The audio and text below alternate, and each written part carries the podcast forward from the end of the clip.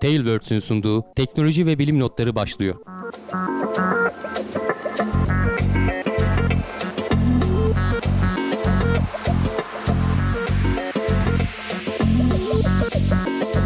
Teknoloji ve bilim notlarına hoş geldiniz. Ben Can Akbulut, yanımda Hamdi Kellecioğlu ile beraber karşınızdayız. Masamız dop dolu.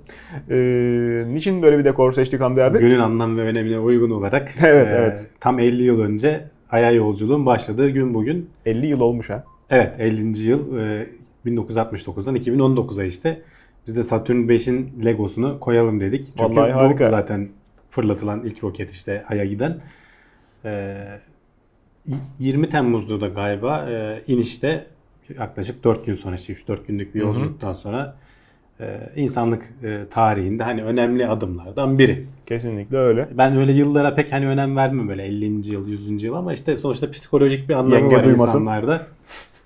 Ee, biz de buraya koyarak şey yapalım dedik. Evet, Satürn roketinin açılmış halini yatırmışız. Bunun da programını çekmiştik ama sadece roket yok. Bu ne? Bu da Kaliforniyum mu? Koymuşsun, dekor etmişsin. Son günlerin biliyorsun Bardak altlığı olarak Kaliforniyum kullanıyoruz. popüler e, konusuydu. Her yerden çıkıyor e, Evet. memleketimizde gani bulunan elementlerden. Ben tatildeyken yine ülkemizde bir Kaliforniyum bulunma haberleri geldi. Bu dönem dönem geliyor.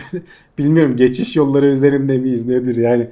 İpek yolu diyorsun, baharat yolu artık. yani. Element yolu olduk. Ha- haberler de açık değil. Yani şimdi bu son bulunan nispeten fena değil. Bak 18 gram bulunmuş ve piyasa değeri Allah. 72 milyon dolar Ben- olduğu söyleniyor. Haberin televizyonda veriliş şekline bittim. Doğrudan narkotik muamelesi radyoaktif elemente yapılıyor. Hani söylenen ifadeler doğrultusunda ilk gördüğüm şekliyle arabanın vites körüğü açılmış. Eldivenli abi radyasyonu böyle tutup oh bakıyor falan. Evet, Sonra da- radyoaktif bir element. Zaten yapay bir element. Hani doğada normalde bulunmuyor. Ee, Amerika ve Rusya'nın hatta işte açıkça söylemiyor ama muhtemelen Çin'in de üretme kapasitesi var ama bunlar hani senede böyle miligramlar seviyesinde üretiliyor ve bir yere satılacaksa ki yani sonuçta endüstride kullanılıyor Tabii. bunlar. Nükleer reaktörlerin falan başlatılması için kullanılıyormuş. Kendi kendine nötron nötron salabildi, salabilen tek elementmiş. Ee, ve işte ilk o ateşlemeyi vermek için bu kullanılıyormuş. Bazı yerlerde de nötron kaynağı olarak kullanılıyormuş ama işte çok az miktarlarda üretiliyor ve onlar da hep genelde kayıt altında. Ee, nedense bizim ülkemizde hatta geçmiş yıllarda şey var. 1 kilo 400 gram hani hesapladığın zaman böyle 4-5 milyar dolar falan piyasa değeri ediyor.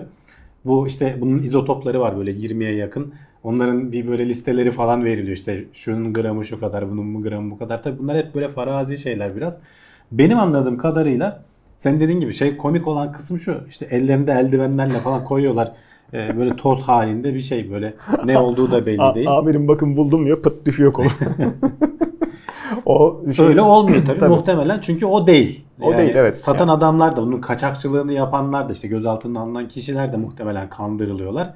Ee, veya onlar birilerini kandırmak üzere götürüyorlar. Bu bir dolandırıcılık yani gibi mantıklı duruyor. açıklaması bu. Umarım öyledir Çünkü diyoruz Atom yani. Enerjisi Kurumu'na falan da göndermiş. Hı hı. Ben medyayı taradım doğru düzgün şey bulamadım. Hani uzmanından gör- görüş alıp da bunun ne olduğunu falan söyleyen bir Sputnik'te gördüm. Ama o da e, Nükleer Araştırmacılar Derneği Başkanı mı, Odası Başkanı mı öyle bir şeydi. Hani olayla ilgili fikirlerini söylüyor sadece. Yani doğrudan Atom Enerjisi Kurumu'ndan bir açıklama falan gelmemiş. Bunun içinde ne vardır ne yoktur. E, belki hani çok eser miktarda Kaliforniyum maddesi içeriyor olabilir ama Yani büyük ihtimalle zaten öyle taşınma şekli. Ama o hani- kadar gram 72 milyon dolar değerinde ele geçirdi diyor da o büyük ihtimalle e, süspanse edilmiş halinden bahsediyor. Öyle olsa bile zaten yani operasyonun şekli sıkıntılı. Yani oradaki Hani memurların garip da garip hepsine- yerlerde çıkıyor işte Bolu'da yakalanıyor, Evet, Pursaklar'da yakalanıyor Ankara'da Tabii. yok.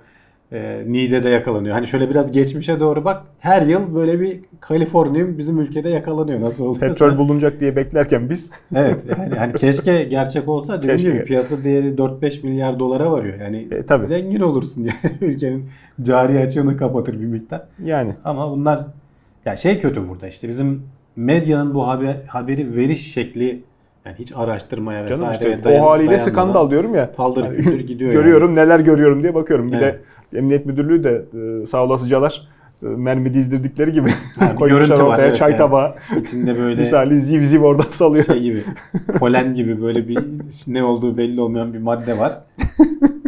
Radyoaktif olmadı belli ama hani olsaydı herhalde daha bir gündeme gelirdi. Evet tabii. Haberini alırdık.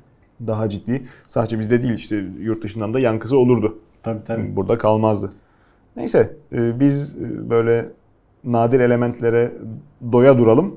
E, Hayabusa göktaşından Japonların e, böyle bir şeyler arama, mineral arama gayretleri sürüyor. Evet. E, şey bitti. Operasyon tamamlanmış. Başarıyla da tamamlanmış. Evet ikinci kere örnek alma denemesini yaptılar. Bir garip hareketleri vardı. Aldığımız örneği işte aldık O mı almadık mı ötekinde diye. o Osiris Rex'teydi o Amerikalıların uydusunda. Bunda öyle bir şey yok. Bunda alabildiklerini alıp bu yılın sonunda da dünyaya Canım, getirecekler bu da zaten. üfürüyor muydu, tükürüyor muydu? Tabii bir şey, tabii, alma küçük bir şey o. atıyordu, içine mi sektiriyordu öyle bir Şimdi şey vardı. İlk örneği hatırladığım kadarıyla. Şimdi Göktaş'ın yörüngesine girdikten sonra bir nereden alabiliriz Aha. diye bir önce bir orada bir saha araştırması yapıyorlar. Sonra bir tane örnek aldılar. Biz bunları hep konuştuk işte. Tabii. Birkaç ay önceydi yanlış hatırlamıyorsam. Ondan sonra e, şimdi bu örnekler yüzeyden aldığın zaman biraz güneşin etkilerine maruz kalmış oluyorlar. Doğru. E, biz daha derinlerden hani el değmemiş örnekler almak için bir şey fırlattı. Bakır plaka fırlattı. Üzerinde patlayıcı da vardı galiba yanlış hatırlamıyorsam. Ve orada bir küçük krater açtılar. E, sonra o kraterin işte biraz e, durulmasını bekleyip çünkü etrafa bir şeyler saçıyor. Bir de göktaşında e, şey iyi olmadığı için kütle çekimi büyük olmadığı için kolay kolay hani Oradan onlar seker. geri inmiyorlar. Evet. O, o arada girer. güvenli mesafede bekliyor. Ondan sonra işte e, tekrar güvenli olduğuna karar verdikten sonra işte geçtiğimiz günlerde gene yaklaşıp yüzeyden işte küçük bir üfürme hareketiyle toplayıp e, gene güvenli mesafeye ulaştı. Çünkü o sırada da gene uçuşan parçalar oluyor. Tabii. Bu yılın sonunda da artık e, toplama işlemi bitti e, ve başarıyla e, sonuçlandığı söyleniyor. Bu yılın sonunda da dünyaya doğru yolculuğuna başlayacak. Herhalde 2021 yılında falan da dünyaya ulaşmış olacak. Eğer bir sıkıntı yaşanmazsa işte atmosfere girişte vesairede falan e, göktaşından bir örnek getirmiş olacaklar. Hem de belki el değmemiş işte derinliklerinden bir örnek. Niye önemli? Çünkü güneş sisteminin ilk oluşumuyla ilgili bize e, fikir verebileceği söyleniyor. İşte e, sadece oraya hani gidip de madencilik yapalım falan değil. Kendi güneş sistemimizin yapısını anlamak açısından hani bilimsel değeri de var. Tabii. Ee, Bir yandan Amerikalılar da işte Bennu göktaşında o çok daha küçük bir göktaşı. Onun yörüngesine girmek falan çok daha zordu. İşte Osiris Rex görevi. O da e, yeni örnekler aldıktan sonra daha hiç örnek almadı galiba da aldıktan sonra 2023'te falan dünyaya gelecek. Hani birkaç yılı daha var onun. Bakalım takipteyiz. Takipteyiz evet. Daha da çok haber geleceğe benziyor. Ee, artık işin raconu bu çünkü. Evet. NASA da zaten özel iştiraklere ayak uydurdu diyorduk. Ee, onlar önce yolu açtılar. Şimdi e, peşinden bir sürü popüler haberle NASA'nın da yaptığı işleri görmeye devam ediyoruz. Ee, uzay istasyonunda astronotların yediği içtiği sürekli servis ediliyor. İşte yaşamlarına dair nasıl spor yapıyorlar, nasıl e, bizim günlük rutinlerimizi yerçekimsiz ortamda devam ettiriyorlar diye insanların da ilgisini celbettiğini görmüşler. Ee, herhalde e, astronotlara biraz e, kötü davrandıklarını düşünüyor olsalar gerek bu sefer sevimli bir iş yapacaklar. Meyve yetiştireceklermiş uzay istasyonunda. Meyve ama hani meyve deyince aklına böyle tatlı şeyler geliyor. Karpuz o geliyor hemen. Karpuz Yaz falan geliyor için. ama yok öyle değil. Bu kütür kütür yesinler. Bayağı bildiğin çili biberi. Sen seversin gerçi böyle. Ben severim. Katır kutur yiyorsun. ee, bunu seçmelerinin sebebi bu e, türü özellikle yüksek yerlerde yetişiyormuş ve e, hani hızlı büyüyorlar ve üretmesi kolay. Evet evet. E, bu ilk üretilecek şey değil ama Uzay ilk turşusu. Amerikalıların ilk e, uzayda üretecekleri, yetiştirecekleri e, meyve olacak. Daha önce işte böyle marul, salatalık falan, salatalık değil de marul tarzı şeyler, işte fare kulağı, teresi falan gibi böyle onların Latince isimleri var da Yaprak işte. işte. Yapraksı bitkiler evet onları yetiştirmişlerdi. Ruslar biraz daha bu konuda hızlılar. Amerikalılar mesela yetiştiriyor astronotlar ama yemelerine izin vermiyorlar. Ta geçtiğimiz bir yıl önce falan galiba ilk kendi yetiştirdikleri marulları orada yiyebilmişlerdi. Onları dünyaya gönderiyorlar. Hani burada bir şey olmasın, başlarına bir şey gelmesin diye. Ruslar biraz daha cevval. Tabii 1982'de falan yetiştirdiklerinde 2000'li yılların başında falan. Onlar önce bizim meyveleri, sebzeleri beğenmesin. Yani değil mi? Domatesleri geri gönderiyorlar. Onu biliyorlar. E, Amerikalılar da işte ilk defa bir meyve yetiştirecekler. Bu niye biber seçmişler? İşte dediğim gibi hem üretmesi falan hızlı kolay hem de C vitamini açısından zengin. E, uzaydaki hani besin zincirini sağlamak açısından önemli diyorlar. Nispeten zor bir şey çünkü hani dünya bitkiler de sonuçta bizim gibi dünyadaki ortama o kadar uyum sağlamışlar ki yer çekimini falan Ya da- bu köklerin uzaması falan açısından Tabii. çok önemli şeyleri var. Hani ışığı mışığı bir şekilde hallediyorsun. NASA'nın da suyu çıktı. Acı biber yeme videoları çok izleniyor. Belki de evet yani önümüzdeki günlerde Astronotumuzun karnı ağrıyacak mı? e, çili biber challenge diye Havada Fena. uçan su tanelerini böyle yakalamaya çalışan astronotlar. Evet evet. Ee, ya bu şey için önemli. Şimdi işte bu Ay'a görevler artıyor. İşte iler, uzakta Mars görevleri var. Sonuçta dünyadan gönderdiğin şeylerin bir sınırı olacak ve bunlar hep ağırlık demek. Ee, e, orada kendin yetiştirebilmen tohumdan büyük avantaj sağlayacaktır. Taze olması önemli sonuçta vitaminler vesaire açısından. Tabii canım. Ee, onların da ilk Yani potansiyel uzay yolculuğu dediğimiz zaman zaten e, uzay aracı içerisinde tarım olmazsa olmaz. Tabii, Çünkü tabii. depolama kabiliyeti e, olgun mamülü depolamaktan çok daha e, avantajlı tohum şey için. olarak da kötü oluyor can. Hani işin sadece sağlık açısından düşün, psikolojik açıdan da hep böyle hazır şeyleri tüketmek de insanı bir yerden sonra yoruyor. Yani böyle bir meyve tüketmesi geliyor. Onların hepsini düşünüyorlar aslında. E yani Ee, kapalı ortamda kalmaktan tut da işte hep aynı insanları görmenin psikolojik etkileri falan bunların hepsi araştırılıyor. Uzun görevlerde sonuçta milyar dolarlar yatırıyorsun bu işlere. peynirli makarna diyorsun her gün yiye yiye. Heh, mikrodalgada. yani biz burada alışız tabii. Her gün böyle hazır yiyecek tüketmeye garipsemiyoruz ama Fakirlik diyorsun. evet fakirlikten bizimkisi. Evet. Bakalım. İlginç haberler gelmeye devam ediyor NASA cephesinden. Ee, bu sefer bu kadar neşeli değil. Voyager araçlarını e, zaman zaman bize de konu oluyor. Jiroskopu bozuluyor, lensi kirleniyor, bir şeyler oluyor. Hayatta tutmak için bir hayli uğraşıyorlarmış. Evet e, çünkü çok uzaktalar ve yani yıllardır 40 yılı geçti 42 yıl oldu galiba uzayda gidiyorlar. Hala Roket- çalışmaları şaşırtıcı. Roket 50 yıl olmuş, Ay'a gidilmesi 50 yıl olmuş. Yani ben- Yani o gitti geldi görevini bitirdi hadi. Bunlar hala devam ediyorlar. İşte güneş e, sisteminin güneşin şemsiyesinden çıktı falan diye bizim konuştuğumuzu hatırlıyorum Çok özür dilerim. Benim yetiştiğim kültürde en azından sen de benzerine maruz kalmışsındır diye tahmin ediyorum.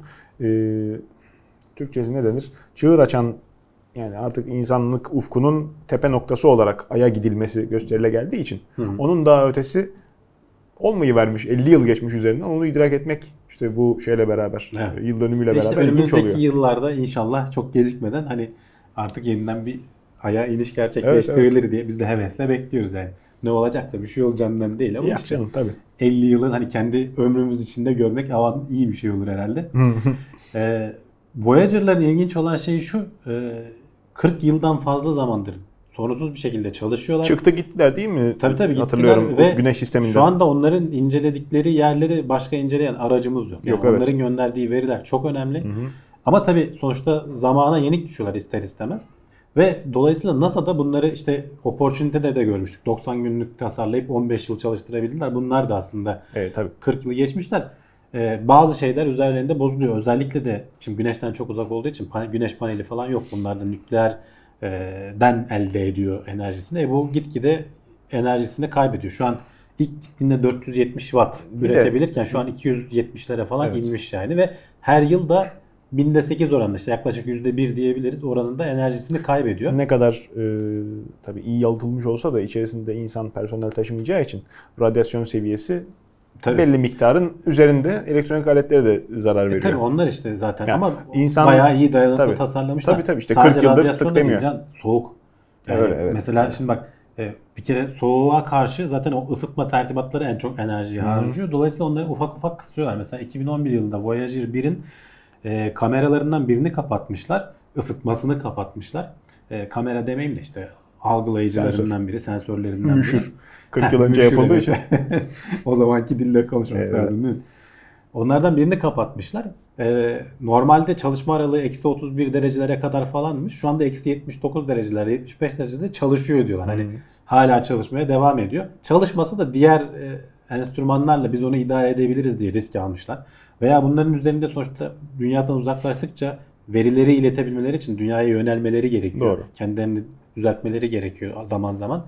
Küçük işte iticiler var. O iticiler mesela 40 yıldır çalışıyor. Bazıları bozmuş. Şey olarak algılıyorlar mesela. Bazı iticiler fazla çalışmak zorunda kalıyor oryantasyonunu sağlayabilmek için. Yedek iticileri mesela devreye sokmuşlar. En son işte tabii 1980 yılında e, ateşlenmiş bu iticiler.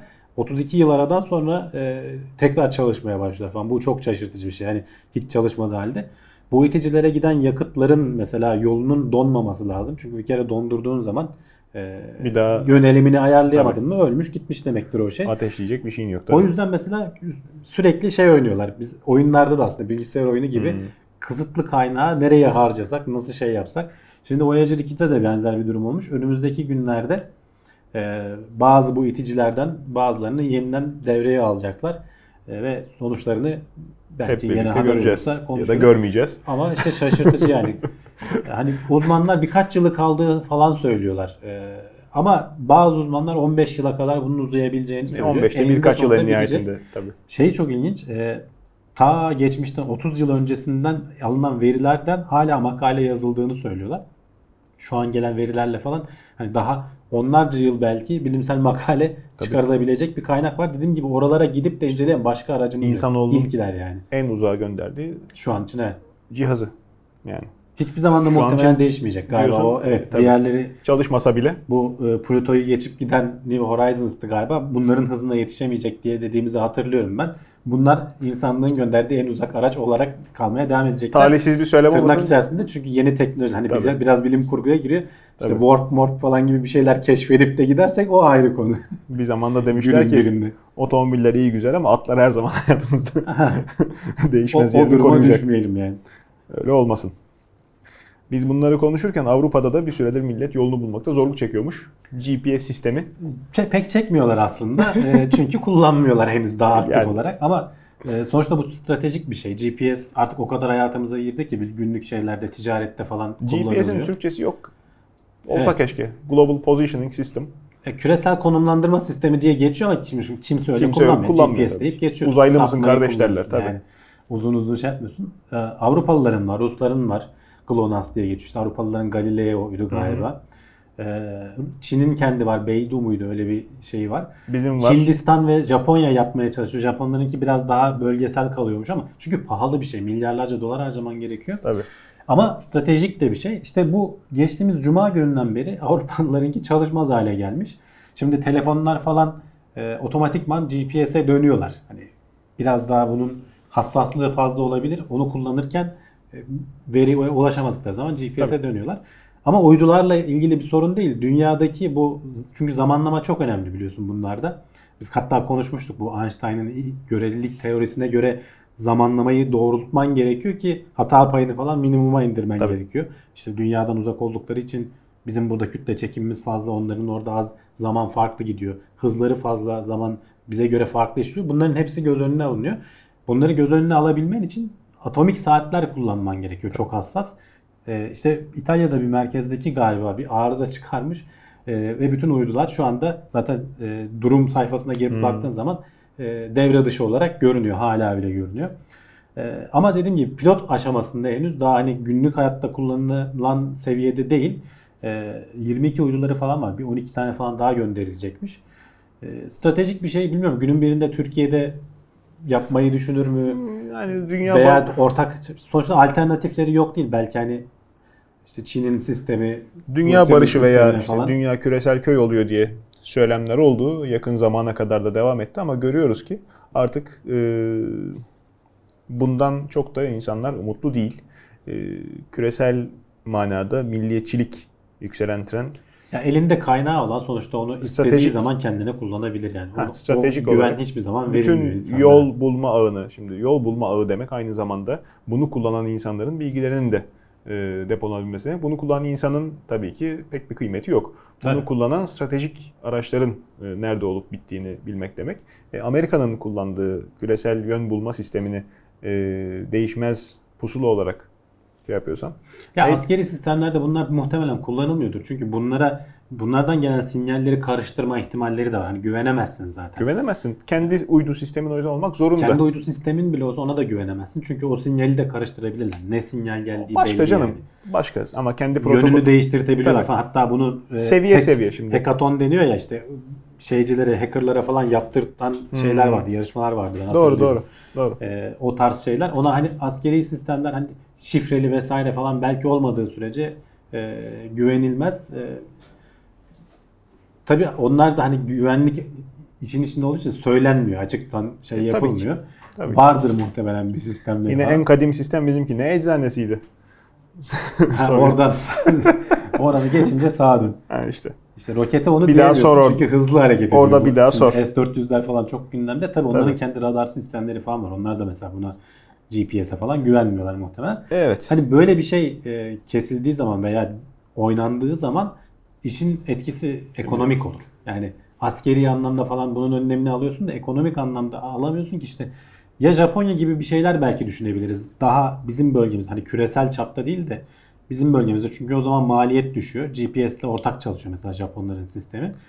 Ee, ya da tabii o zaman onlara daha çok var. Hani gün- günün birinde inşallah o günleri görürüz değil mi yani? GPS sistemi sinyal farkları üzerinden işte uyduların bulunduğu konum üzerinden Tabii pasif çalışan bir şey aslında. senin bulunduğun yeri e, Yani hesaplamayı tabii. senin elindeki cihaz yapıyor. Uydulardan gelen sinyaller pasif. Onlar hep sinyal yayıyor. Aha. Ee, zaman bilgisi de var. Evet. Senin elindeki cihaz hesaplıyor konumunu. İşte. Ne kadar çok uydu sinyali alırsa Askeri- da o kadar doğrular. askeri cihazlarda veya işte çok hassas çalışmalar gerekiyor. GPS'te genelde işte hassasiyet metrelerle ölçülüyor. Evet. Yani şimdi metre hassasiyeti e, adres bulmak için tabii ki harika ama e, sen tutup da e, ne bileyim bir drone diyelim. Neydi onun Türkçesi? İnsansız Kar- hava aracı mı? Karar vermemiş. Ona daha uygun bir kelime arıyorlardı ya bir ara. Onu Unuttum. bulama- bulamadılar Unuttum ben de buldularsa. herhalde. Neyse. Muhtemelen de kullanılmayacak. Drone işte yerleşti artık. drone diyelim. Ee, uzaktan kumandalı cihazla diyelim bir yere de sabitlenmek isteniyor. E orada işte 2 metre sağa 5 metre sola derken kafayı gözü yarıyor. Şeyi hatırlarsın ağaca, taşa, GPS, duvara. e, ilk önce zaten askeri olarak başlıyor. Sonra insanlara açıldığında hassasiyeti bayağı yüksekti yani. Hmm. Tabii tabii. E, Kötü anlamında söylüyorum. 10 metrelerden fazlaydı. Tabii tabii. Sonradan artık İşte adres bunu- bulmak için problem değil. Tabii işte sonra hatta o zaman bile biraz problem oluyordu. Sonradan bunun hassasiyetini bayağı şey yaptılar. incelttiler. E, Aha. Artık bayağı aslında 2 metre, 1 metre falan şeylerini de bulabiliyorsun. Gerçekten işte iş yapan aletlerde e, kullanılan sistem yerin fotoğrafını çekmektir. Tabii. Ve infrared bilgisinden. Veya işaretliyorsun işte füzelerde falan hani öncü birlik falan. o şey başka ya, yüksek o, o tarz Aha. teknolojilerde kullanılabilir. uzun menzil, yüksek menzil başka da daha küçük cihazlarda bulunduğu yerin sürekli fotoğraflanacak. Oradan konum takibi yapar.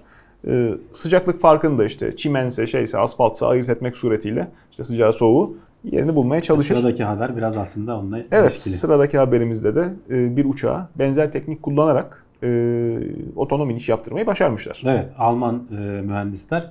Şimdi uçakların otonom iniş yapma sistemleri var zaten ticari uçaklar. Bu ILS diye de geçiyordu galiba. Ama her havaalanında olmuyor çünkü e, o- evet ona uygun sistemleri kurman lazım. İşte onun vericileri, radyo vericilerini falan yapman lazım ve bu nispeten pahalı bir şey. Her havaalanına kurulmuyor. Pahalı bir de Büyüklerinde vardır yani. Sorumluluk isteyen bir şey. E tabii, o, o- o sistemde tarz bir arıza çıkarsa düşen uçağın bütün sorumluluğunu da havaalanı yönetimi mi paylaşacak işte sorumlu idareci kimse. O hukuki prosedürden dolayı da otomobiller için de aynı şeyi söylüyoruz. Tabii. Yani içinde belki bir kişinin olduğu araba için bile çok ciddi şeyken bu, e, yükümlülükken uçak indirmek e, bayağı sıkıntı. Şimdi buradaki sistemde şunu yapmışlar Can. Senin az önce söylediğin gibi görsel olarak e, yerin fotoğraflarını falan çekip e, üzerindeki bilgisayar inceliyor ve şeyi biliyor. E, herhangi bir yerden radyo sinyali almadan e, havaalanının nerede Görüp olduğunu GPS'i de kullanıyor bu arada tabii. O tabii. Uzaktayken e, GPS sisteminden yararlanıyor. Havaalanına yaklaştıkça o yaklaşmayı açısını, rotasını falan belirlemek için e, görsel şey kullanıyor. İnfrared de koymuşlar. Hani hava böyle sisli puslu falan olursa normal ışığın gelmediği yerlerde kızıl ötesiyle algılayabilelim diye. Çünkü sonuçta aslında e, hava alanları belli. Hani siyah e, asfalt oluyor veya gri diyelim işte. Etrafında çimenler oluyor. Ayırt etmesi fotoğraf açısından nispeten kolay. Onu- Zaten orayı tutturup uzaklığı falan hızını mızını da bildikten sonra aslında çok zor bir şey değil. Yıllar önce İran Amerikan drone'unu indirmişti ya. Hatırlıyorsun haberi. Ya Hatırlıyorum da Evet. geçenlerde gene bir vurdular öyle bir şey. Yok vur, vurmamışlardı. Sapasağlam- Kandırarak mı indirmişlerdi Ele- kandırarak indirmişlerdi. İran'ın üstünde uçup işte casus faaliyeti yaparken kesmişler uydu sinyalini. Fail safe olarak da yani Hmm. felaket senaryosunda bakıyor etrafta Amerikan uzay üssü arıyor. Şey Evet. Amerikan askeri üssü arıyor. Askeri Ba- üssü bulursa Bayrak mı çekmişler? en yakın e, üs Afganistan'da. Afganistan'daki üssü de İranlılar e, bakmışlar planla haritasına. Hmm. Aynısından bir tane replikayı İran içine yapmışlar. Alete bakmış. Ha Afganistan Buldum. diye.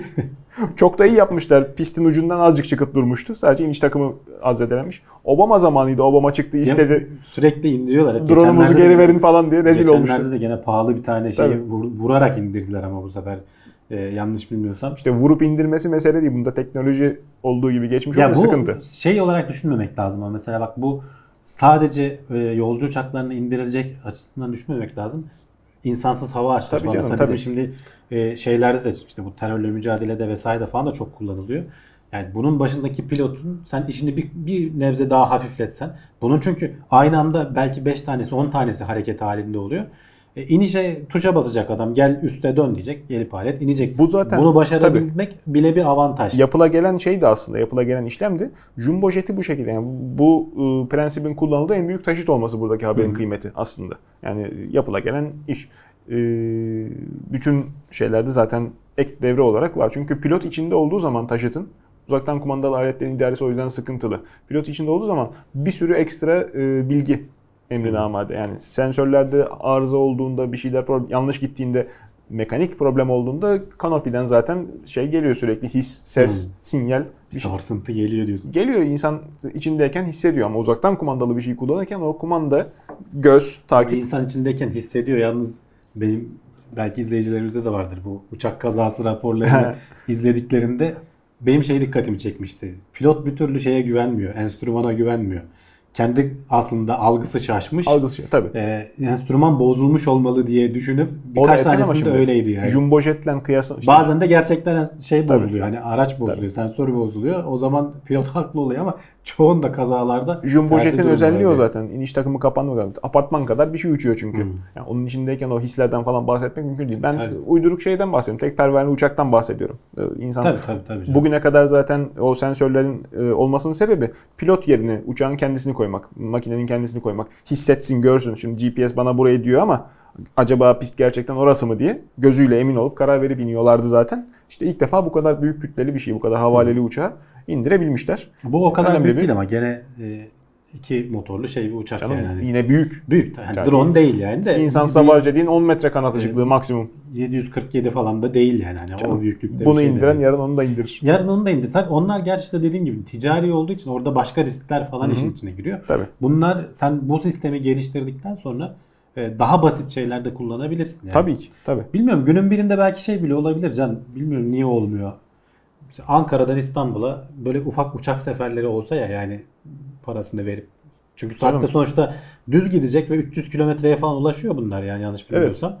Hızlı gidersin yani. Küçük havaalanları da olur belki.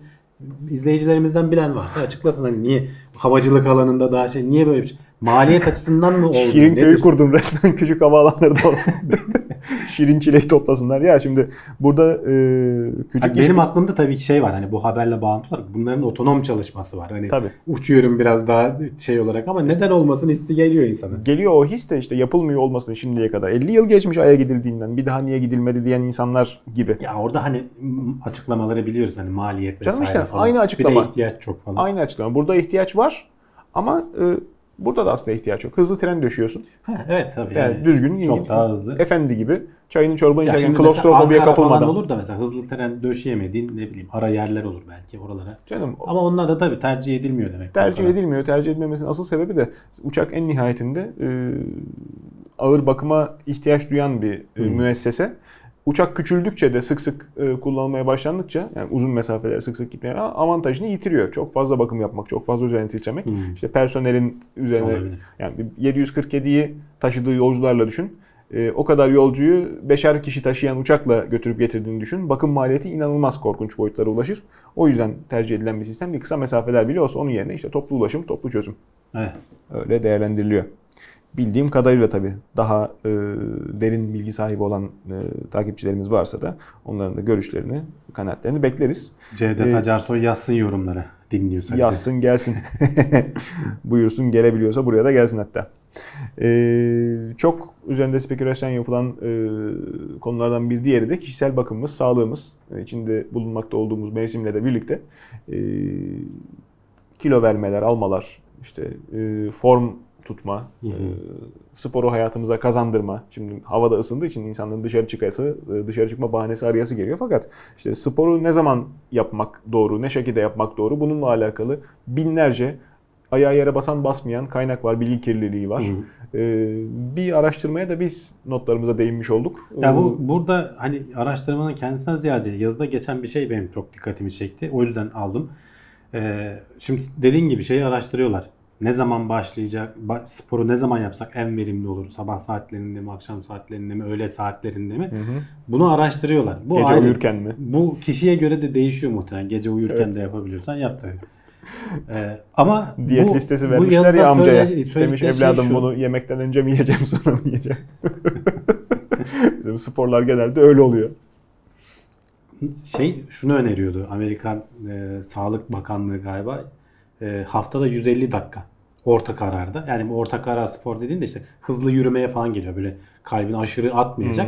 150 dakika bunu tutturacaksın ama hani böyle kalbini çarptıracak da böyle e, onar dakikalık şeyler olsa iyi olur diyorlar. Hani aslında zor şeyler değil ama işte rutine bindirmek sıkıntı. Bu yazıdaki şey de bu. E, Ne zaman yaparsanız yapın diyorlar. Senin için önemli olan ne hangi zaman hangi zaman uygunsa o zaman yapın ama düzenli olsun. Hani bir standarda binsin. Ve bunu da sağlamanın en iyi yolu alışkanlığı kazanmak. E, ve bir alışkanlığı kazanmak da şimdi günlük işlerde o kadar çok şey yapıyoruz ki işte mesela çocuğun okuldan alınma saati var gidiyorsun otomatik alıyorsun hiç düşünmüyorsun bile. Spor yapmaya karar vermek ve şu işte araya sığdırmaya çalıştığın zaman diyorlar ki psikolojik olarak sen karar verip bir zaman açman gerekiyor. Öyle. Ve bu da seni aslında farkında olmadan bilinç altında yoruyor ve muhtemelen bazen atlamana neden oluyor veya süreyi kısaltmana neden Bazen oluyor. atlamaktan Her ziyade mantıksız hale getiriyor zaten. Tabii. İşte her gün aktif olarak karar vermemelisin. Hani spor bir sanki o günün e, alışkanlığı haline gelmeli. İşte diş fırçalamak gibi ne bileyim e, işte çocuğu okuldan al- almak gibi. Hani o tarihte o saatte bunu otomatikman yapmalısın. Bunu başardığın zaman en yüksek verimi alıyorsun zaten. Toplum- Çünkü düzenli ve sürekli hale getirmiş Toplum oluyorsun. düzeni, toplum bakışı, desteği bu açıdan önemli olmalı. Ee, tahminim bu yönde. Ee, Kendi yaşayışımdan en azından gördüğüm kadarıyla e, spora vakit ayırmanın, daha doğrusu e, spor demeyelim de işte kardiyovasküler egzersiz tabir edecek yürüyüşe vakit ayırmanın mantıklı olmadığı sonucuna ben yıllar önce vardım. Tebrik Ee, ediyorum seni. genel insanımızın e, bakışı da zaten bu olduğu için özellikle e, üzerine basa basa söyleyebilirim. E, spora büyük şehirlerde bilhassa çok hızlı yaşanıyor. Hı hı. Büyük şehirlerde çok fazla vakit israf ediliyor. Taşıt içerisinde israf ediliyor. İşte Tabii, beklerken bir şey yaparken vesairede. bürokraside israf oluyor. Bu vakti spora dönüştürmek lazım. Hı hı. Şimdi ben gideyim bisiklet bisikletle ben e, bisikleti hayatıma sokmak istedim. Olmuyor. Ulaşım çözüm ulaşım çözümü olarak bisikleti kullanmadığın sürece İstanbul'da hızlı yaşayışta, iş temposunda bisiklete ayıracak vaktin yok. Bir şeyden feragat etmek lazım. Ya sosyallikten feragat Hı. etmek lazım. Ya işte işin bir kısmı aksayacak. Ya da istirahat etmeyeceksin. Yaptığın sporda hiçbir işe yaramayacak. Ya işte o Eziyete bütün dönüşecek. herkesin problemi. Hani büyük şehirlerde yaşayan ama işte mesela bunun çözümü olarak da şeyi öneriyorlar. Şimdi alışkanlık edinmen lazım diyorum ya. Zaten hali hazırda olan bir alışkanlığın arkasına bunu ekleme. Çünkü bu aslında alışkanlık edinme yöntemlerinden birisi. Çok küçük espri işte. Toplumsal destek lazım dedim ya. hı. Spor yapan insan ne yapar? Uzun süre yürüyüş yapmış insan ne yapar? Tamam kalbin deli gibi çarpmıyor etmiyor ama terlersin. Hı hı. Temizlenmeye ihtiyacın var. Yok abi bizde. e, Ortam yok diyorsun. Ortam yok. Hangi iş yerinde personelin kullanabildiği duş imkanı var? Hangi tabii gittiğimiz yerde gün içerisinde? yani, evet. Ya sen motosiklette kullanan insan olduğun için haldır huldur şövalye gibi giriyorsun. E, elbiseni çıkartıp değiştireceğin yer bile bulmak sıkıntı Tabii, oluyor. E, Ayağında ayakkabıyla plazada gezmek zorunda kalmadın mı? Yani bu şey e, pratiklik açısından ciddi sıkıntı. Dolayısıyla e, bu herhalde bizim de e, spor yapmamıza mani oluyor. Bakıyorsun köyde adam zaten günlük rutinine işte evinden tarlaya gitmek veya işte Hmm. evinden bahçeye bilmem nereye gitmek e, veya işte hayvanları otlatırken peşinde ister, yürüyerek, evet. ister istemez zaten ideal sporu yapıyor. Ondan sonra buluyorsun işte bilmem ne dağ köyünde yaşayan amca 120 yıl Ha, yaşamış. 135 yaşında ne yaptın ne amca? yaptı? Yoğurt yedim diyordu. Ha, yoğurt yedim, bal yedim evladım, badem yedim. ne bilsin ki adam da yani. E, şimdi. ona sorarsan tabii der. Adam haklı. Ee, Allah uzun ömür versin. Ama bizim şehir hayatımızın e, organizasyonu bozuk. Orada sıkıntımız var. Hı. Gidip spor salonuna gömülüp de işte tight giyip bilmem e, abuk subuk aletlerde sakatlanma riskiyle Ya o da çalışmaya çalışıyor Şey insanlar. boyutu, sosyalleşme boyutu aslında. Öyle E, tabii, daha tabii. çok şey yapıyor. Onu da Çünkü spor yapmak istiyorsan aslında e, tek şeyin dışarı çıkıp koşmak yani. Hani hiçbir şeye ihtiyacın yok.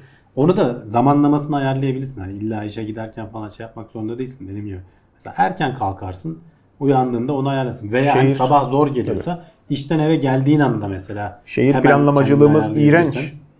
Sürücüler zaten saygısız. bilhassa işte yağışlı havalarda su sıçratmamanın Hmm. veya işte toz kaldırmamanın Onları inceliğini işte bekliyorum ben. E, görmüyor. Ötesinde kaldırım tasarımları çok kötü. Kaldırımlar zaten Hmm. e, var mı? Var. Bazı muhitte kaldırım yok. Yok evet. Site muhtemelen e, hukuksuz şekilde taşmış yolun kenarından duvar çıkıyor. E, Ben nerede Var şöyle şey kaldırımlar oluyor işte ben nerede 20 tabii santim örümcek adam kaldırımı. ben yan nerede yan yürüyeceğim? yürüyerek Veya kaldırım gidiyor bir ümit çıkıyorsun yola bitiyor. Bizim bulunduğumuz konum itibariyle işte Ataşehir civarında çok var. Abuk subuk çarpık. Gece konudan var, yaşam merkezine dönen e, kentleşme çarpıklığı olduğu için her yerde var evet. Her İşte yerde Fikirtepe'de falan Göztepe'de gidiyorsun yürüyorsun. E, nereye gidiyorsun? İşte e, arabayla trafiğin olduğu yer yürümek çok daha mantıklı. Arabayla bekleyeceğime yürüyüp gideyim diyorsun. Yok ben nasıl yürüyeceğim? Kaldırmıyor. İşte kuralsız geçmek zorunda kaldım kaç defa. İstemiyorum ama mecbur kalıyormuş. Yok adamlar düşünmemişler. Buradan kim yürür ki diyor. Hı. Kendisi zaten bakış sıkıntılı. Ha biz yürüyüşten bahsediyoruz. Engelli insanlar işte tekerlekli sandalyeyle veya işte koltuk değneğiyle bir şeyle araba olmadan bir yerden bir yere gitmeleri zaten mümkün değil. Mümkün değil. evet. Yürü, yürüyen şey adam sıkıntı yaşıyor. Sağlıklı adam sıkıntı yaşıyor. Bunlar e, herhalde çözülürse günün herhangi bir saatinde biz de e, spor yapmayı daha e, mantıklı düşünebiliriz. Ya bunlar hani işte sonuçta zaten var olan sıkıntılar. Bunları aşmak istiyorsan bir şekilde yolunu bulacaksın. O bulmanın da yöntemi işte alışkanlık edinmek. Hani bu ha- haberin ana fikrini bir, Canım. bir kez daha tekrarlayayım sonra Evet söyleyeyim. evet.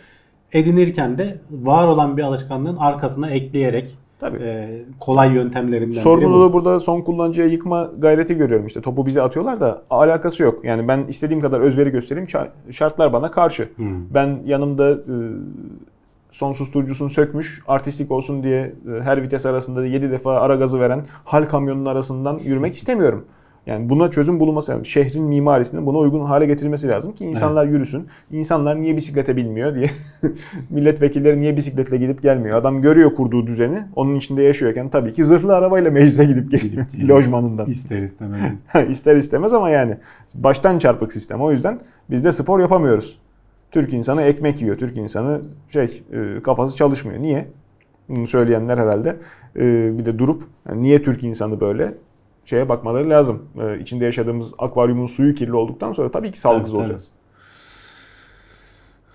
Biz bunları düşüne duralım. Bizim için e, farklı bir açıdan da e, çözüm önerisi yine bilim insanlarından geliyor. Oksijeni az ortamlarda yaşayan canlılar üzerinde durulmuş. Belki oradan edinilen tecrübelerle biz de yaşam kalitemizi yükseltiriz. Ya tabii hani sonuçta e, biz değil de mesela kalp krizinde kalp dokusunun ölmesinin nedeni oksijen veya işte vücudun diğer dokularının ölmesinin nedeni oksijen yetmezliği. Tabii. Bunlarda belki günün birinde kullanabiliriz diye. Çünkü oksijeni az ortamlarda yaşayan canlılar derken mesela bu- burada yapışkan kaplumbağalar diye bir şeyden bir Hmm. türden bahsediyor. Nereye yapışıyorsa artık. Ee, kış döneminde hareket edebildikleri halde hani uyku döneminde sabit stabil durmuyor. Alet şeyin altında kalıyormuş. Göllerin donan yüzeyinin altında kalıyormuş. Ekrana görüntüsü de girer. Ee, oksijen seviyeleri %11'lere falan düşen. Normalde 21'dir ya atmosferdeki. Evet. Ama ona rağmen bu e, hayvanlar hareket ha- kabiliyetini koruyor ve dokuları zarar görmüyor. Yani bunu nasıl beceriyorlar diye e, bilim insanları da bunu araştırmaya ve belki buralardan işte belki ilaçlar elde edebilir miyiz İşte. veya bunların genetiğinden e, bize benzeyenlerden faydalanarak ileride bir şeyler yapabilir miyiz Donan diye çözünen kuş kurbağa vardı ya bir arada. Ee, Ha, Uzay tabii. yolculukları için onlardan ilham almaya çalışıldı. Şeyler için e, gene bir NASA'nın uzmanları vardı. Ayıların koş uykularını Hmm. inceliyordu. Hani bunlar çünkü sonuçta kendi ürelerinden enerji üretebiliyorlardı tekrar Evet, yanlış evet. hatırlamıyorsam o belgeselde. Ayı gibi enerji üretiyorlar. Heh, e, biz bunu nasıl insanlar için uzun yolculuklarda kullanabiliriz diye bunu araştırıp bununla ilgili hemen şey olmasa bile senin hayatını etkileyecek bir şey olmasa bile uzun vadede oluyor. Burada şeyi fark etmişler. e, ömürlerinin ilk başlarında daha e, embriyo dönemlerinde bile oksijensiz ortama maruz kaldıklarında oksijensizliğe dayanış çok ciddi oranda artıyormuş. E, bunun ne gibi genetik faktörler hani hangi genlerin e, çalışması değişiyor da Evet. bu, bu sonuca ulaşılıyor diye bunu araştırmışlar. Dediğim gibi günün birinde e, belki işte şeylerde kalp krizini etkileyecek şekilde yani bir ilaç tasarımında veya bir genetik değişiklik falan gibi şeylerde kullanılma ihtimali var. Evet evet. Harika. Hiç olmadığı kadar artık e, genetik müdahaleyle bir şeyleri değiştirebilme e, gücüne mahiriz. Onu da zaten e, değineceğiz iyi mi kötü mü e, notların sonunda. Evet. Ama öncesinde kadim bir e, öğreti. Çiçeklerimle konuşuyorum evladım. Onlara e, bir şeyler söylüyorum. Daha güzel açıyorlar, Daha daha, sağlıklılar e, diyen teyzelerimiz, annelerimizin e, savları doğru mu acaba? Bitkiler bilince sahip mi? Ee, öyle olmadığını söylüyor bir grup bilim adamı. Bir grup bilim adamı Ot da değil bunlar galiba. bir grup bilim adamı da e, bu alanda yeni şey açmaya çalışıyorlar. Kendilerine alan açmaya çalışıyorlar. Bitki nörobiyologları diyorlar kendilerine. Bir işte bu yazıyı yazan bir bilimsel makale yayınlayanlar da hani tamam bitkilerin etrafındaki uyaranlara tepki verdiklerini biliyoruz. İşte hatta bazı E, tabii. seslere işte hatta gündemde konuşmuştuk yanlış hatırlamıyorsam. Arının kanat çırpma sesine e, hormonsal bir tepki verip işte etrafa koku yayabiliyorlar mesela veya ne bileyim işte güneşe dönmeleri falan zaten bizim bile gözlemlediğimiz şeyler. Ama bunda işte bir insanlardaki ve bazı hayvanlardaki gibi bir bilinç anlamına veya bir e, nöral iletişim anlamına gelmiyor. Hatta bitkilerin hücreleri arasında da bir iletişim olduğu falan e, son zamanlarda hatta bazen bitkiler arasında bir iletişim olduğu falan bizim gündemde de konu olmuştu. Ama bunlar şey anlamına gelmiyor diyorlar. Ee, bizim hayvanlardaki gibi veya toplu zeka dediğimiz işte karınca kolonisinin Evet. bir zekası veya işte arı kolonisinin bir zekası işte bunun gibi olabilir diyorlar ama hani bulunan şeyler örnekler falan tam anlamıyla uymuyor. Çünkü sonuçta karınca kolonisindeki her bir bireyin farklı bir genetik yapısı vesairesi falan var. Tamam ortak bir şeye katkıda bulunuyor ama mesela bitkilerde bu daha şey hücreler falan e, ortak bir katkıda bulunma söz konusu değil diyorlar. Eyvallah. Özellikle bazı hayvanlarda hani e, sinir yapıları olan bazı hayvanlarda bile bilinç var mı yok mu tartışılırken bitkilerde hani hiç bu tartışılacak şey değil şeklinde bir makale yayınlanmış. Ama burada ilginç olan e, tabii konunun hala daha çok bakir kalmış olması. bu evet konuyu yani araştırma. hani onlar da gene az bilim yapıla gelmiş. insanlarına has hani şey vardır ya yani ucunu açık bırakma. Yani onlar da diyorlar bunun daha fazla araştırılması lazım. Hani sizin Tabii. iddialarınıza yönelik Bizim e, şeyler kanıtlar pek onu göstermiyor ama atasözümüz var. e, Görünen köy kılavuz istemez diye. Hı. Ama işte aksi kaç defa ispat edildiği için e, insanlık tarihi boyunca o şekilde de bakmamak Ama hani lazım şu tabii. anki duruş ki benim de hani aklım ona yatıyor. Yani bir bilinç anlamında bizim Evet, anladığımız bir tabii. bilinç anlamında ki hani şey de tartışmalı. Bilinç nedir tam anlamıyla? Hmm. Ee, şimdi felsefi açıdan olaya baktığın zaman bazı şeyler işte bir taşın da bir bilinci var deyip çıkıyor mesela. Ama bunu işte ispatlamadıktan sonra bilimsel anlamda ispatlamadıktan sonra bir anlam ifade etmiyor. Bilim anlamında. evet. Felsefi anlamda, inanış anlamında veya belki bir ifadesi var ama işte bilim sınırları içerisinde kalacaksan onun biraz daha belli kalıplara Sorduğum soruya lazım. cevap veriyor mu? Hasta tedaviye cevap veriyor mu şeye bakarsak e, bitkiden bu performansı beklemiyoruz elbette. Evet. Bir- Zaten ihtiyaçları da yok aslında. Şeyi de söylüyorlar hani şimdi bitkinin bilinç çünkü pahalı bir şey. Hani nöroloji nöro- tabii. nöral sisteme sahip olmak, hı. onu hayatta tutmak evrim açısından da zor bir şey. Hani hayvanlar bu yolu seçmişler ama bitkiler başka yolu seçmişler. Onların da bir avant başka avantajları. Hatta konuşuyorduk Çernobil'de falan nasıl Evet. bitkiler hayvanlara göre daha avantajlı olabilir. Bir önceki bölümde mi konuşmuştuk? Hı hı. Ee, işte yani ihtiyaçları yok ki böyle bir şeyi geliştirmeye uğraşsınlar. Zaten canlılığı devam ettiriyorlar. Önemli olan o aslında evrimsel açıdan baktığında. Yani bakacak olursak da işte bizim e, daha evvel de hayvanlar üzerinden, evcil hayvanlar üzerinden konuşmuştuk. E, insanın karşısındakiyle empati kurma becerisi çok yüksek. İşte felsefi açıdan bakıp İnsanlaştırma becerisi. Heh, atfetme e, insanoğlunun da e, becerilerinden bir tanesi aslında. O yüzden konuştuğumuzda elbette işte sıcak karbondioksitle e, nefesimizi verdiğimizde yapraklarına biraz daha güzel olması e, Hmm. çiçeğin sularken e, tesadüf olmasa gerek veya ne bileyim işte. e, Ya da, da şey deyip geçebilirsin canım sonuçta algılar önemlidir. Ben öyle algılıyorsam zaten gerçek budur deyip Ha. iyice kopabilirsin konudan. çığırından yani. çıkabilir pekala. E, suyunu çıkarmadan biz biraz daha ayağımızı yere bastıralım. Açık tehdit e, az evvel de söyledim. Genetik e, mutasyonlar, genetikle oynamak e, bakalım insanoğlunun sonunu getirecek mi? Rus bir araştırmacı e, duyurmuş ki e, 6 tane çift bebeklerine Bir, Ee, ya bir ya iki bölüm önce bu Rus araştırmacıdan bahsetmiştik aslında. Ee, o zaman Çinli bu genetiği değiştiren He Jiankui diye bir adam vardı. Ne sonucu ne oldu başına ne geldi meçhul şu anda Meçhul, bilinmiyor. e, hapiste olduğu söyleniyor falan ama e, işte onun yaptığının e, HIV için e, Rusya'da izin almak için falan başvurmuştu.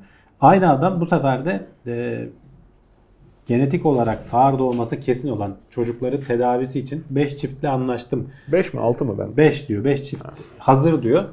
Ee, ama tabii devletten izin alıyor. Bu daha akıllı yani öyle kafasına göre yapıp geçmemiş. Devletten izin alma şeyi bekliyor. Ee, anne baba ikisi de Belki sağ, biraz da Çin aynı Rusya genetik. farkıdır. Yani Bilmiyorum devletten artık hani devlete. ikisi de sonuçta Prosedür, hukuki şey, bürokrasi. anne baba ikisi de sağır aynı genetik Hmm. yapıyı taşıyorlar ve çocuğun sağır olması %100 kesin. Evet. Ee, dolayısıyla ben şeylerden embriyodaki şeylerden birini değiştireceğim ve sağır olmadan doğacak bebek diyor. Ee, ama tabii işte burada da mesela karşı çıkanlar da diyor ki bu teknik henüz bu CRISPR tekniği kullanılacak burada gene. Evet. Ee, çok yeni e, hem deneme amaçlı kullanılacaksa bile ölümcül sonucu olan şeylere yapmalıyız. Hani sağırlık sonuçta bir hastalık gibi algılanmıyor çoğu şey veya bir engel, bir özür olarak algılanmıyor. Kaldı ki şimdi annesi babası sağ olan çocuk da normal konuşmayı 5 yaşayabiliyorsun. yaşında mı öğrenecek? Kendi kulağı çalışıyor kendi. Yok canım onun sonuçta hani Bakıcısı şeyiyle yani. bir şeysi vardır evet bakıcısı vesairesi Baştan falan. düşünürsen. Ee, ama hani işte orada da mesela çok ilginç şey var bu yazıda e, ona da değinmişler. Şimdi bazı sağırlıklar e, işte implantlar falan kullanarak mesela iyileştirebiliyor. Bazıları buna çok karşı çıkıyorlarmış. Hatta e, Hmm. bunun yapılmasının e, ne denir?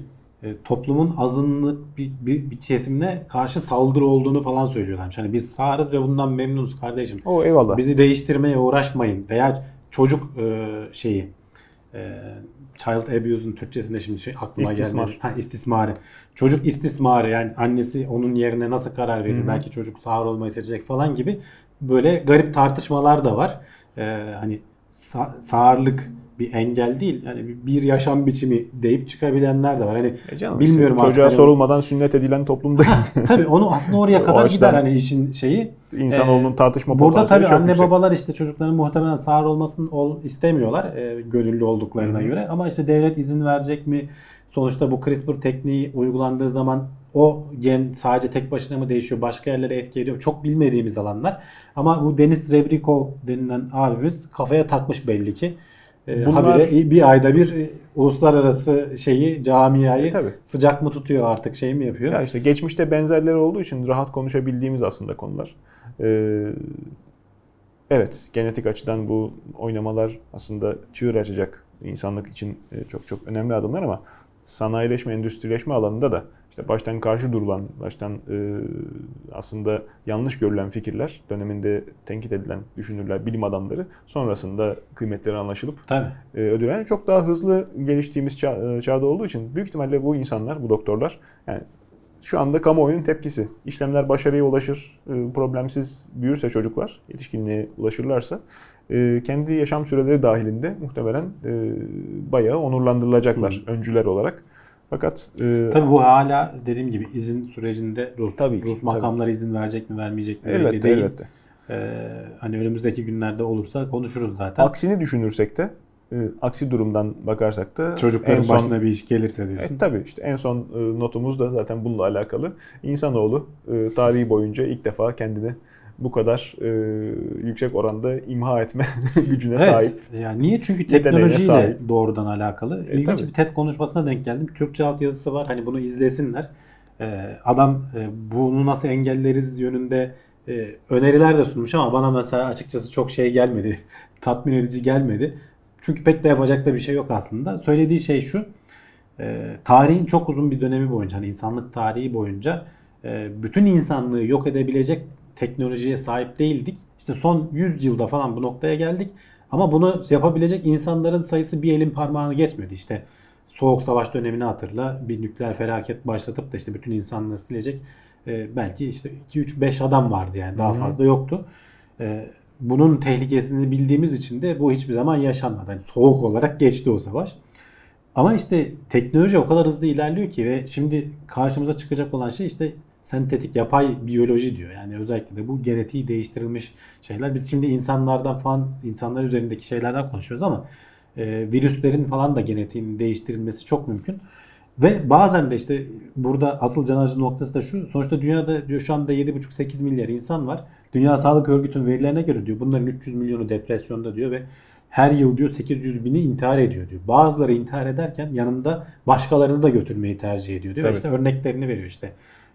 En can alıcı örnek belki bu Air France'ın pilotu muydu? Uçağa çakıp beraberindeki işte 150'ye yakın yolcuyla beraber intihar ettiği sonradan açıklanmıştı. Veya e, bombalı belki intihar saldırıları e, ya da Yani işte bu Amerika'daki okul taramaları vaziyeti. falan filan.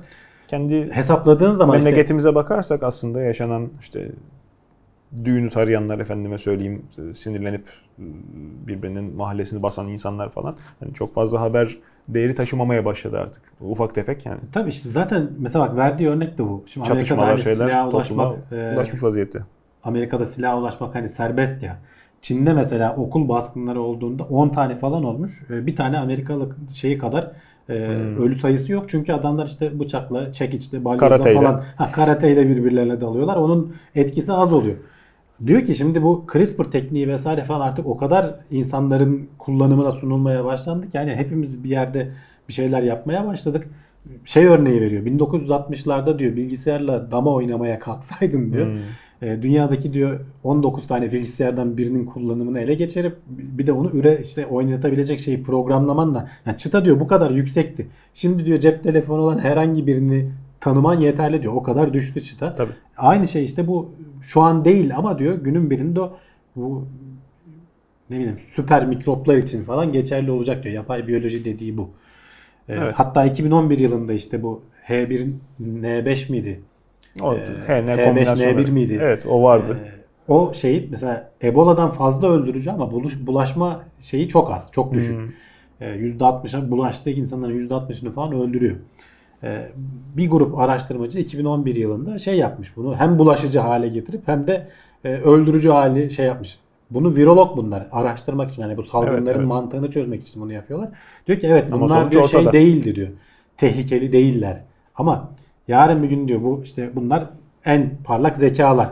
Bu iş ayağa düşmeye başladıkça işte artık doktora öğrencilerine, belki işte master öğrencilerine, belki de günün birinde lise öğrencilerine kadar indiği zaman bu intihar edip de yanında bir sürü insanı sürükleyecek e, kümeyle bu küme bir yerde kesişecek diyor. Geçenlerde İzmir'de miydi çocuk ailesine siyanür Heh, evet bir, öyle bir haber servis vardı değil mi? etmişti zehir. Unuttum detayını da. Yani e, dediğin gibi e, olmakla beraber bir de işin görünmeyen boyutu var. Onu dile getirmekten birçok insan imtina ediyor. E, yani içinde bulunduğumuz gezegeni hızla çürütüyoruz. İyi şeyler yaptığımızı zannederken üstelik buna zarar veriyoruz. Çok güzel görselleri var, karikatürleri var da pek kamuoyunun e, dikkatini çekmiyor. İşte elektrikli arabaya binip kendini çevreci hissederken arka tarafta reaktör haldır haldır kömür yakmaya devam ediyor. E, hadi kömür yakmayı geçtik. İşte her tarafa çok çevreci enerji şahane diye rüzgar türbini kurduk. E şimdi havanın akış düzeni bozuluyor. Göçmen kuşlar saçmalıyorlar. E, Termal hava Hmm. akımları Her şeyin bir yan etkisi için. oluyor. yan etkisi oluyor. Enerji tüketimini bu kadar yüksek tutup da onu çevreci olan etmek saçmalık. Bizim e, işte karbon ayak izimizi düşürmemiz lazım. Kullandığımız enerji miktarını azaltmamız lazım. Neyse o da hayal. O da Kimse ancak yanaşmıyor. Ha işte, ya- kendi yaşayışımızdan feragat edersek Japonya'da bildiğim kadarıyla trend olarak e, hala daha aktif ama e, Batı toplumlarına çok fazla ulaşmadı. Onlar da zaten kendilerini e, belli bir işte gelişmişlik seviyesine ulaştıktan sonra insanlığın gördüğü e, manzara olduğu için aslında kendilerini bile amorti edemez vaziyetteler. E, işte hunharca biz her tarafı ışıklı tabela, elektrik, işte şey en lüksü, en büyüğü bir şeylere sahip olmaya çalışıyoruz. O hırsla yaşıyoruz. E, işte birer gömlek, efendim işte ikişer çift ayakkabı, e, gardıroplarını minimuma indirip, evlerini küçültüp, yeme ihtiyaçlarını e, minimumda tutarak e, yaşamayı adet haline getirmeye çalışıyor. Görüp de ondan sonra geri dönen insana tabii ki yetmiyor. Büyümekte Çok olan işte bizim gibi gelişmemiş memleketlerde alabildiğine savurganlık, e, hep emel en büyüğü, en fazlası herkesin gözünde bu bakış olduktan sonra bizim özelimiz değil bu. Dünyanın çoğunluğu maalesef ki böyle.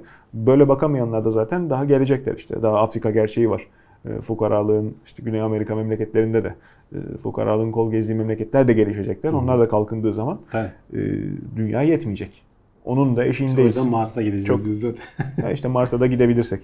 Çok özel bir şeye gerek yok. Çok özel bir Ya, e, küresel yıkıma gerek yok. Biz kendi kendimizi zaten yıkıyoruz, Hı. içimize çöküyoruz. Ya zaten sonuçta hani teknolojinin önünü almak pek mümkün değil. Zaten bu yazar da aslında onu söylüyor. Yani bunu diyor engellememiz mümkün değil. bu teknoloji artık değil, oluyor. bu reklam. Yani sen Hayır, elinde- senin dediğin ayrı bir şey. Bu konudan Evet. bağımsız. Bu, Ha, bu- eyvallah. Bu, benim anlattığım Doğru. TED konusundaki Tabii. bu TED konuşmasındaki konu bu teknoloji geliyor. Yani bizim buna Hı. bundan korkarak yapacağımız bir şey yok.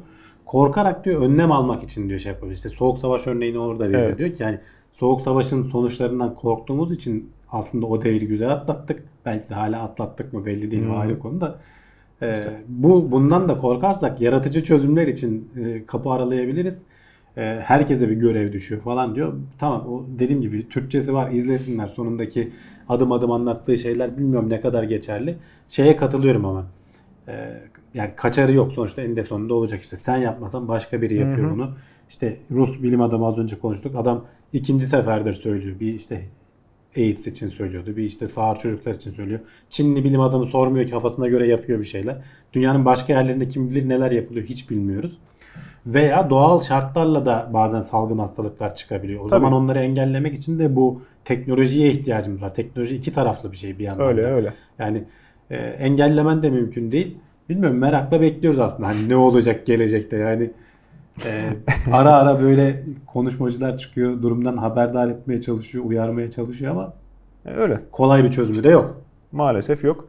Yani bu işin can acıtan e, maalesef manzarası. Yani dünyada e, bir sürü gelişme oluyor işte bir sürü güzel şey yapılıyor ama devamında da gerçekten bizim bilincimiz bunlara alıştı. Artık kıymetleri kalmamaya başladı. Hı hı. Dolayısıyla da bunlar tüketilebilir e, değer gözüyle bakılan hale geldiler. Yani bu bilincin değişmesi lazım. Bunun e, belki eğitim sisteminde bir güncelleme.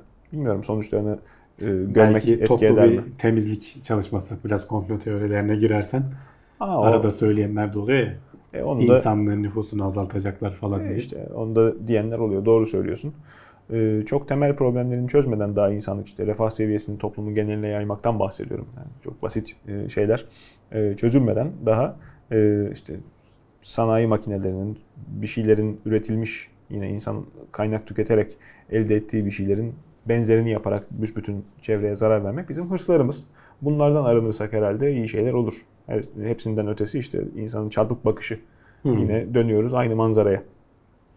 Diyerek noktalamış olalım notlarımızı. Evet. Ee, geçen hafta bir mola vermiştik. Ee, şimdi yenilenen ışık düzenimizle e, umarım e, kellerimizi çok parlatıp sizi üzmemişizdir. Ee, fevkaladelik olursa yine size duyurmaya çalışacağız. teknoseyir.com ana internet sitemiz. E, Teknoseyir ismiyle bizi Instagram'da, Facebook ve Twitter'da bulabilirsiniz. Oralardan soru yöneltebileceğiniz gibi bizim e, Plus abonemiz olursanız da e, bir gün erkenden bu içeriği sitemiz üzerinden izleyebilirsiniz. Hem, Hem de de reklamsız olarak hem de bize destek olursunuz. Hem de e, küresel ısınmaya hiçbir katkımız olmaz bunu yapmanızda. İyi seyirler efendim.